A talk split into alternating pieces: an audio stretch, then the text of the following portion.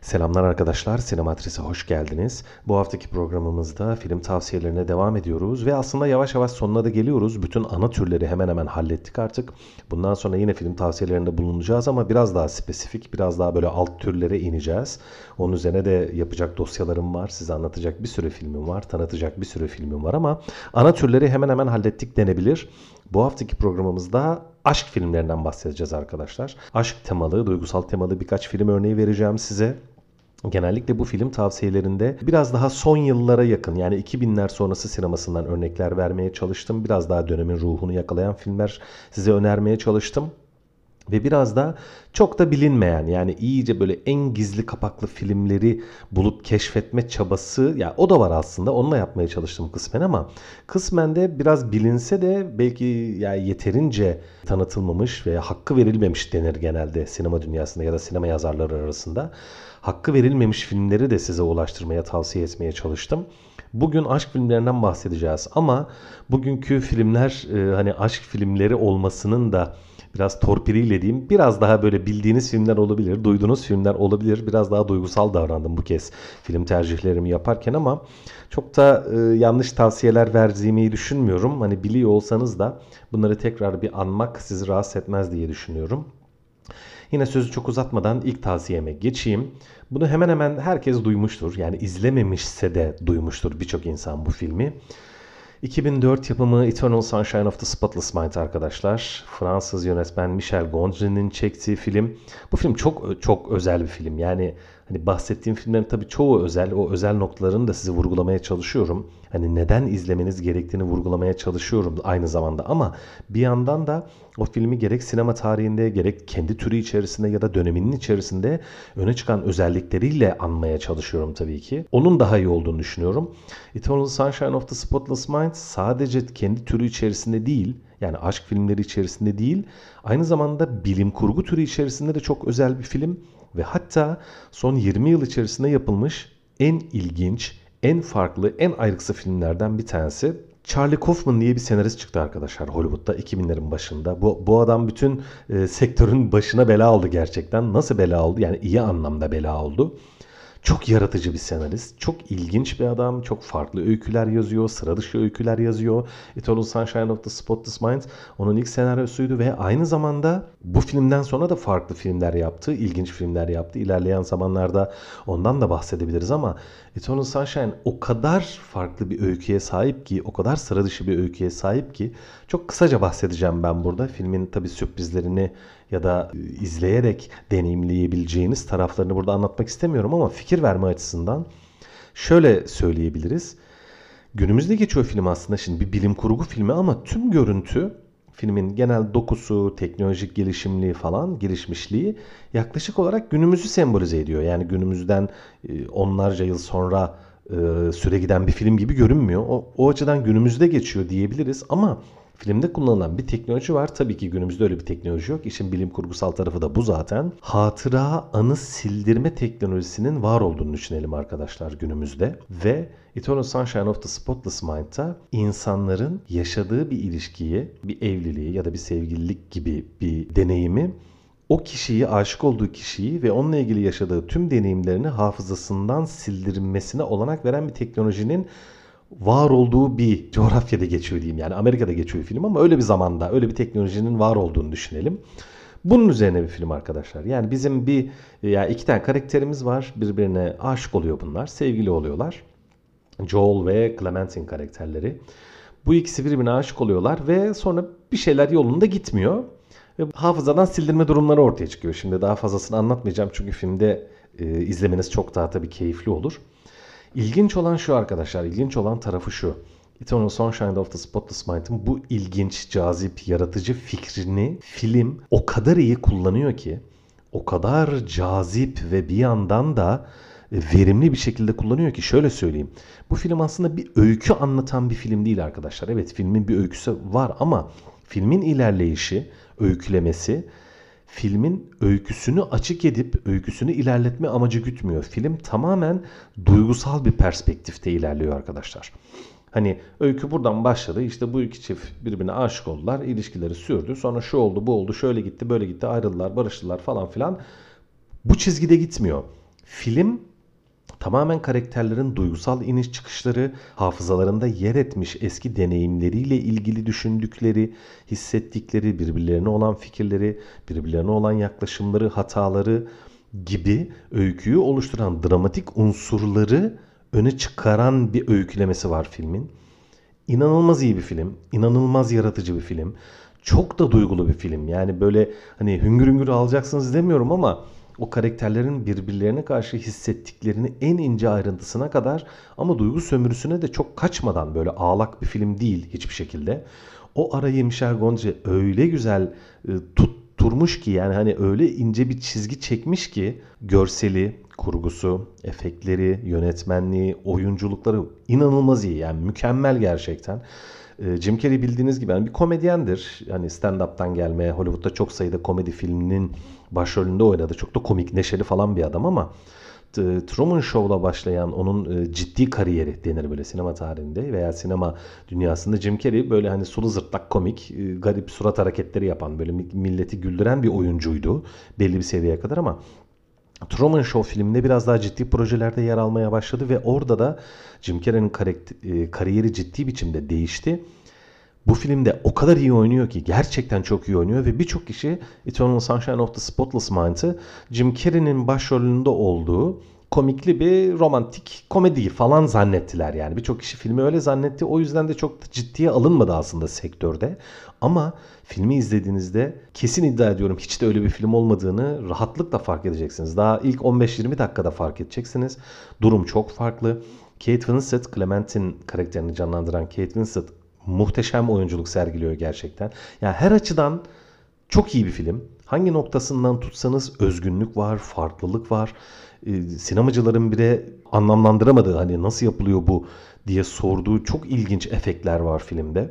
Çok çarpıcı bir görsellik var.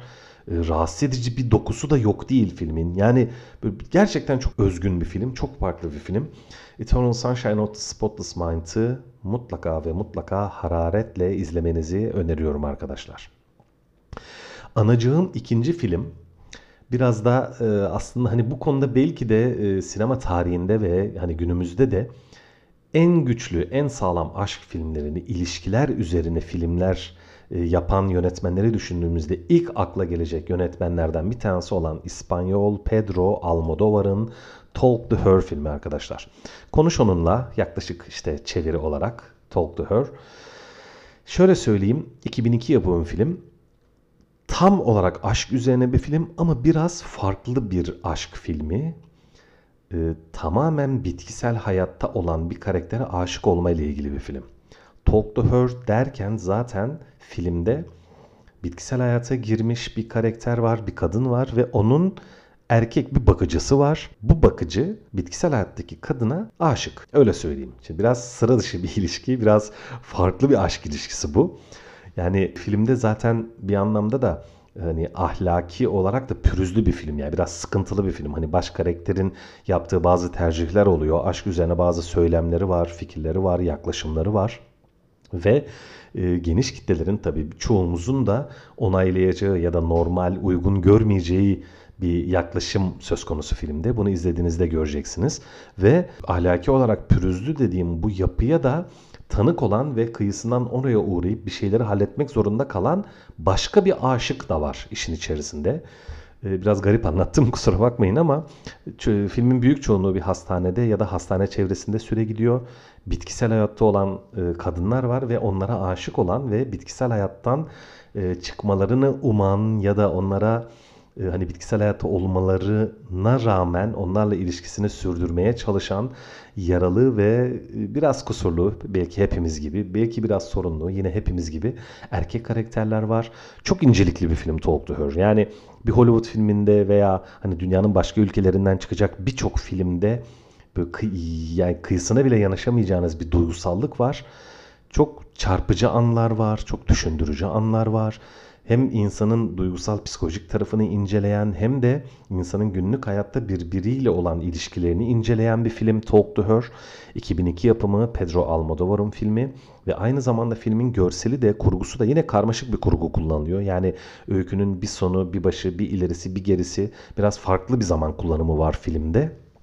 Ama buna rağmen çok öyküsünü çok güzel anlatıyor. Yani öyküyü iyi anlatıyor ama yine bir aşk filmi olmasının da tabii gazı ve etkisiyle öykü biraz da duygusal ve dramatik bir perspektifte ilerliyor. Zaten Pedro Almodovar'ın öyküleri biraz öyledir. Yani e, görseli falan güçlüdür, sinematografisi iyidir ama bence hani yani bir sinema yazarı olarak benim tespitim bu. Belki bana katılmayan sinema yazarı arkadaşlar olabilir ama genellikle sinemaya görsel bir sanat deriz. Hani görüntülerle meramını anlatan bir sanat deriz ama Pedro Almodovar gerçekten kağıt üzerinden okuduğunuz takdirde bile çok fazla etkileneceğiniz, çok yüksek ölçekli etkileneceğiniz senaryolar yazan bir sinemacı arkadaşlar. Yani senaryoları da gerçekten çok iyi. Öyküleri, karakterleri olağanüstü. Gerçekten olağanüstü. Yani benzerine sinema tarihinde bile rastlamak çok güç. Tabii ki bu böyle bir senaryoyu hani uygun, güzel, şık bir görsellikle bir filme aktardığınızda ortaya iyi bir film çıkıyor zaten. Pedro Almodovar'ın sinematografisi gerçekten iyi ve kariyeri de gerçekten çok iyi filmlerle dolu ama daha çok öykülerini yani filmlerini senaryolarının etkileyiciliğine ve gücüne biraz da dayandıran bir yönetmen ve öyküleri dediğim gibi gerçekten çok iyi bayağı ortaklıklar barındırır e, Pedro Almodovar'ın filmleri. Yakındır birbirine yani bir yapı olarak yakındır. Ve bence bugüne kadar yaptığı filmlerin de en iyisi Talk to Her.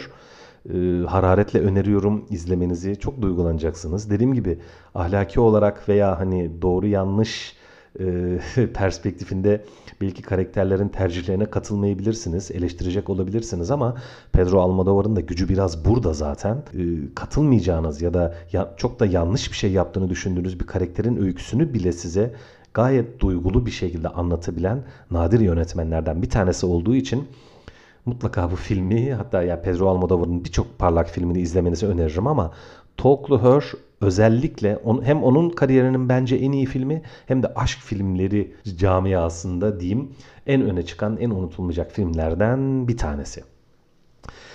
Diğer örneğim uh, yani herhalde bu film yani anacağım filmler içerisinde en melankolik, en hüzünlü böyle hani sizi ağlatma olasılığı en yüksek olan film herhalde bu. 2006 yapımı Darren Aronofsky'nin yönettiği The Fountain arkadaşlar. Şimdi bu film yine çok farklı bir film. Evet gerçekten bayağı farklı filmler seçmişim ya. Bakın şimdi fark ettim yani. Sinematografik olarak da farklı, kurgu olarak da farklı, tavır olarak da farklı. The Fountain filmi arkadaşlar e, sinema dünyasını ikiye böldü. Yani bu filme tamamen bir saçmalık, zırvalık. Hani bir işte Darren Aronofsky çok değerli bir yönetmen. 2000'ler sonrası sinemanın böyle işte David Fincher'la birlikte, işte Christopher Nolan'la birlikte, böyle değerli birkaç yönetmeniyle birlikte e, özellikle anılan yönetmenlerden bir tanesi olduğu zaten özellikle bildiğiniz gibi çoğu sinema severin bildiği gibi The Requiem for a Dream filmiyle yani bir rüya için ağıt filmiyle öne çıkmıştı. Böyle bütün sinema dünyasını yıktı geçti resmen. Hepimizi böyle gözyaşlarına boğdu. Çok güçlü bir yönetmen Darren Aronofsky. Ve Fountain onun üzerine hem çok fazla çalıştığı hem de çok böyle farklı bir şeyler yapmaya çalıştığı bir film. Çok fantastik bir film, çok kavramsal bir film, çok böyle nasıl diyeyim yani hayal gücünün uçtuğu bir film. Kabaca öyküsünü şöyle özetleyebilirim. Birbirinden üç farklı zamanda ve boyutta diyeyim. En azından bir tanesi farklı boyutta diyeyim. Üç farklı karakterin aşık olduğu kadının e, hayatını, yaşamını kurtarma mücadelesi üzerine kurulu. Öyle söyleyeyim. Çok kaba bir e, öykü anlatımı oldu ama gerçekten öyküsünü de filmin e, özetlemek zor.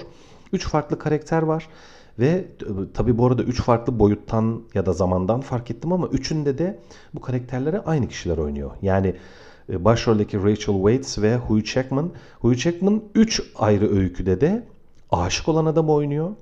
Aşık olunan kadını da Rachel Weisz oynuyor ve üçü de farklı karakterleri canlandırsa da aslında konumları aynı. Öyle söyleyeyim. Öykülerin bir tanesinde Thomas karakteri, Hugh Jackman'ın canlandırdığı eşi olan yani Rachel Weisz'in karakteri bir ölümcül bir hastalığa yakalanmış. Onun hastalığına çare bulmaya çalışan bir doktoru canlandırıyor.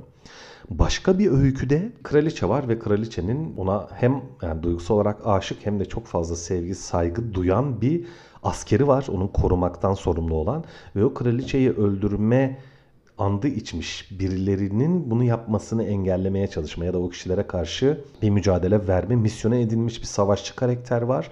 Ve bir de tüm bu sevdiği kadını yaşamasını sağlayan, ölümünü engellemek isteyen erkek karakterin bilinç altında mı diyelim, onun duygusal dünyasında mı diyelim, nasıl diyelim yani duygularını anlatan ve sevdiği kadını yaşatma saplantısını diyelim bize iletmeye çalışan karakterin iç dünyasını resmeden bir de bir üçüncü boyut var filmde.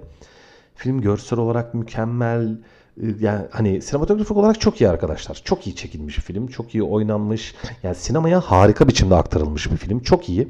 Ama bir yandan da biraz karmaşık bir film. Kurgusu çok karmaşık. E, tasarımları çok iyi olmasına rağmen yani anlamak biraz zor. Hem sembolizme çok fazla sırtını dayayan bir film. Hem de karmaşık kurgu ve farklı dönemler işte bir ortaçağ İspanya, bir günümüz, bir işte soyut dünya falan filan böyle çok farklı yerlerden beslenen bir film olduğu için biraz anlaşılması zor olabilir ama filmin öyküsünden anlamasanız bile Hani bu film ne anlatıyor? Hani bunun nasıl bir öyküsü var? Kim nereye gidiyor? Ne oluyor? Kimle görüşüyor? Kimle ne yapıyor? Kim kimin dostu? Kim kimin düşmanı? Anlamasanız bile filmin duygusal dokusu e, izleyicisine sunduğu duygusal ton o kadar güçlü ki yani filmin öyküsünü hiç anlamasanız da ne anlatmaya çalıştığını anlayabilirsiniz arkadaşlar. Öyle söyleyeyim. Bu açıdan çok güçlü bir film ve bir anlamda da biraz daha fantastik böyle sıra dışı filmlere ilgi duyan acılara tam da hitap edecek ve onları mutlu edecek bir film olduğunu düşünüyorum. The Fountain 2006 yapımı. Aşk temalı filmler seçkimizin en ilginç ve güzel filmlerinden bir tanesi. Hararetle öneriyorum arkadaşlar. Önereceğim dördüncü film çok farklı bir coğrafyadan ve çok farklı bir dünyadan geliyor. 2001 yapımı Majid Majidi'nin yönettiği Baran adlı bir film arkadaşlar. İran sinemasından geliyor bu film. Gerçek bir aşk filmi, çok derin bir dram ama diğer filmlerden tabii ki çok farklı bir film. Bir Hollywood yani bir İran filmi zaten ve çok düşük bütçeyle çekilmiş, çok küçük ve hani sinematografik olarak da çok daha sade ve çiğ duran bir film. İran'da süre gidiyor film arkadaşlar. İran'da büyük bir inşaat var. Bu inşaatta çalışan işte işçiler var, ameleler var. İnşaatın bir işçilerin bir yöneticisi var. Öyle söyleyeyim. işte mühendis var falan. Bir inşaat ortamı. Ve burada bir genç var getir götür işlerini yapan. Ya o gencin kıza aşık olması öyküsü ya da kabaca öyle söyleyeyim çok öyküsünden bahsetmek istemiyorum çünkü içinde ufak tefek sürprizler var o sürprizleri açık etmek istemiyorum ama İran'ın sosyal kültürel durumunu ekonomik durumunu da biraz özetliyor ve içeriyor o konuda da bize fikirler veriyor. Biraz tabi İslami bir siyasi biçimini benimsemiş ve bunu uygulayan bir ülkedeki insan ilişkileri ve duygusal ilişkiler üzerine de ince kodlar içeriyor. Sinematografisi ve kurgusu diğer filmler, diğer andığım filmlerdeki gibi değil. Tabi yani bir Hollywood filmi ya da bir İspanyol filmi gibi olmasını bekleyemeyiz normal olarak ama çok daha mütevazi bir film. Çok daha böyle hani çok estetik, çok şık, çok böyle albenili bir film değil. Daha çok öyküsüne odaklanan, sade bir görüntü yönetimi, daha doğal ışık, doğaçlama çekime dayanan bir film aynı zamanda. Ama bir yandan da bu sadelik ve doğallık gerçekten böyle günlük hayatın içerisinden yani sanki böyle İran'da siz bayağı oradasınız yani. Hani olan bitene şahit oluyormuşsunuz, bir şeylere tanık oluyormuşsunuz pozisyonuna sizi sokan bir film. Çok başarılı bir film. Öyküsü zaten çok iyi. Oyunculukları çok amatörce ve biraz insana böyle çiğ gelecek olsa da bence gerçeği ve doğulu çok güzel yansıtmış. Öykünün ilerleyişi biraz böyle sakin sakin yavaş yavaş olsa da çok ince kodlar var. Yani neresinden baksanız ilk bakışta insana film biraz dediğim gibi çiğ ya da böyle amatörce gibi gelse de altında çok derin bir duygusallık var. Çok ince bir aşk var. Çok böyle hani imkansız aşk öyküsü demeyeceğim. Hani bu filme imkansız aşk öyküsü dersem filmi bayağı küçültmüş olurum. Hani ondan çok daha derin bir film ama e, bir anlamda da imkansız aşk öyküsü aslına bakarsanız. Çünkü neticede bu kadar baskıcı coğrafyalarda insanların tabi duygularını ve ilişkilerini rahatça yaşaması pek mümkün görünmüyor ama aşk filmi olsa da aynı zamanda çok ağır bir sosyal tespit filmi, ekonomik tespit filmi. Çok iyi bir film arkadaşlar Baran. Gerçekten çok iyi bir film. Günümüz İran sinemasında sinematografiler falan tabii çok daha gelişti. Artık İran sineması dünyaya hitap eder bir seviyeye geldi. Tamamen de hak ederek. Gerçekten çok iyi bir sinema. Türk sinemasından çok daha ileride İran sineması. Ama 2001 yapımı Baran filmi bu geleneksel klasik artık az çok alıştığımız, özümsediğimiz İran sinemasının da bir örneği değil. Biraz daha farklı bir film. Yani İran sineması içerisinde de oldukça farklı bir film. Hararetle izlemenizi öneriyorum. 2001 yapımı Baran. Bu haftanın son tavsiyesini birçoğumuz duymuştur. Biraz daha tabii tartışmaya açık bir film. Ama bayağı konuşuldu. biraz daha ilginç bir aşk filmi denebilir. 2013 yapımı The Her arkadaşlar. Spike Jonze'un yönettiği ve Joaquin Phoenix'in başrolünü oynadığı. Dediğim gibi bu filmi izleyen birçok insan vardır ama ben yine de anmak istedim. Öyküsü gayet basit. Bir yani telefona, bir telefon aplikasyonuna ya da bir yapay zekaya aşık olan bir adamın öyküsü. Kabaca böyle. Ama ilginç tarafı şu. Eternal Sunshine of the Spotless Mind'de olduğu gibi hem duygusal bir aşk filmi aynı zamanda bir bilim kurgu ve insan makine birlikteliği ve ilişkisi üzerine de güzel tespitler yapan bir film. Oyunculukları iyi, sinematografisi falan gayet iyi. Ama bu film biraz da eleştirildi. Çünkü söz konusu insan makine birlikteliği üzerine e, çok da derin tespitler yapmadığı, işe daha çok biraz duygusal yaklaştığı üzerine bazı eleştiriler gördüm. Forum sitelerinde veya bazı sinema severlerin bu fikirde olduğunu biliyorum. Ve bir yandan da The Her ilerleyen bu bilgisayar teknolojilerinin, bu yazılım teknolojilerinin insan hayatını nasıl etkileyeceği üzerine bir öngörüyken duygusal hayatımızı nasıl etkileyecek üzerine çok güzel tespitler yapan bir film bence. Ve ben bir de filmde şöyle bir alt metin görüyorum. Hani bugüne kadar böyle şakalı, komikli örnekler dışında herhalde bir bilgisayara ya da bir yazılıma, bir programa aşık olan bir insana dair bir haber görmedik ama belki de birçoğumuz öyleyiz yani. Hani ona bakarsanız hani belki de bir bilgisayar oyunundaki bir karakteri bırakamayıp hani yemeğe gidemeyip tuvalete gidemeyip e, hararetle böyle oyunun başından kalkamayan karakterler var ya belki de onlarınki bir, bir tür aşktır yani ben bu filmde böyle bir alt metin görüyorum aslında çünkü aşk dediğimiz şey normal şartlarda hani insan için bir anlamda cinsel çekimi hani bir, bir evrimsel bir mekanizma aşk neticede bir duygusal bir şey. Hani hiçbir şekilde cinsel ya da dürtüsel ya da evrimsel bir bağ söz konusu olmadığı takdirde aşkın hissedilip hissedilmeyeceği üzerine de tespitler var bence bu konu üzerinde. Film özellikle bunun üzerine gitmese de bunun üzerine de bir şeyler söylüyor bence. Hani aşk cinsel bir şey midir değil midir gibi bir tartışmaya tabii burada girmek istemem ama Neticede bir insan bir makineye aşık olur mu? Olabilir mi? Duygusal, fiziksel, cinsel nasıl bir etki var? Film bunun üzerine de güzel bir şeyler söylüyor bence. Dediğim gibi yine filmin e, sürprizlerini açık etmemek için örnek vermeyeceğim ama filmi izlediğinizde bunun üzerine de bazı şeyler göreceksiniz.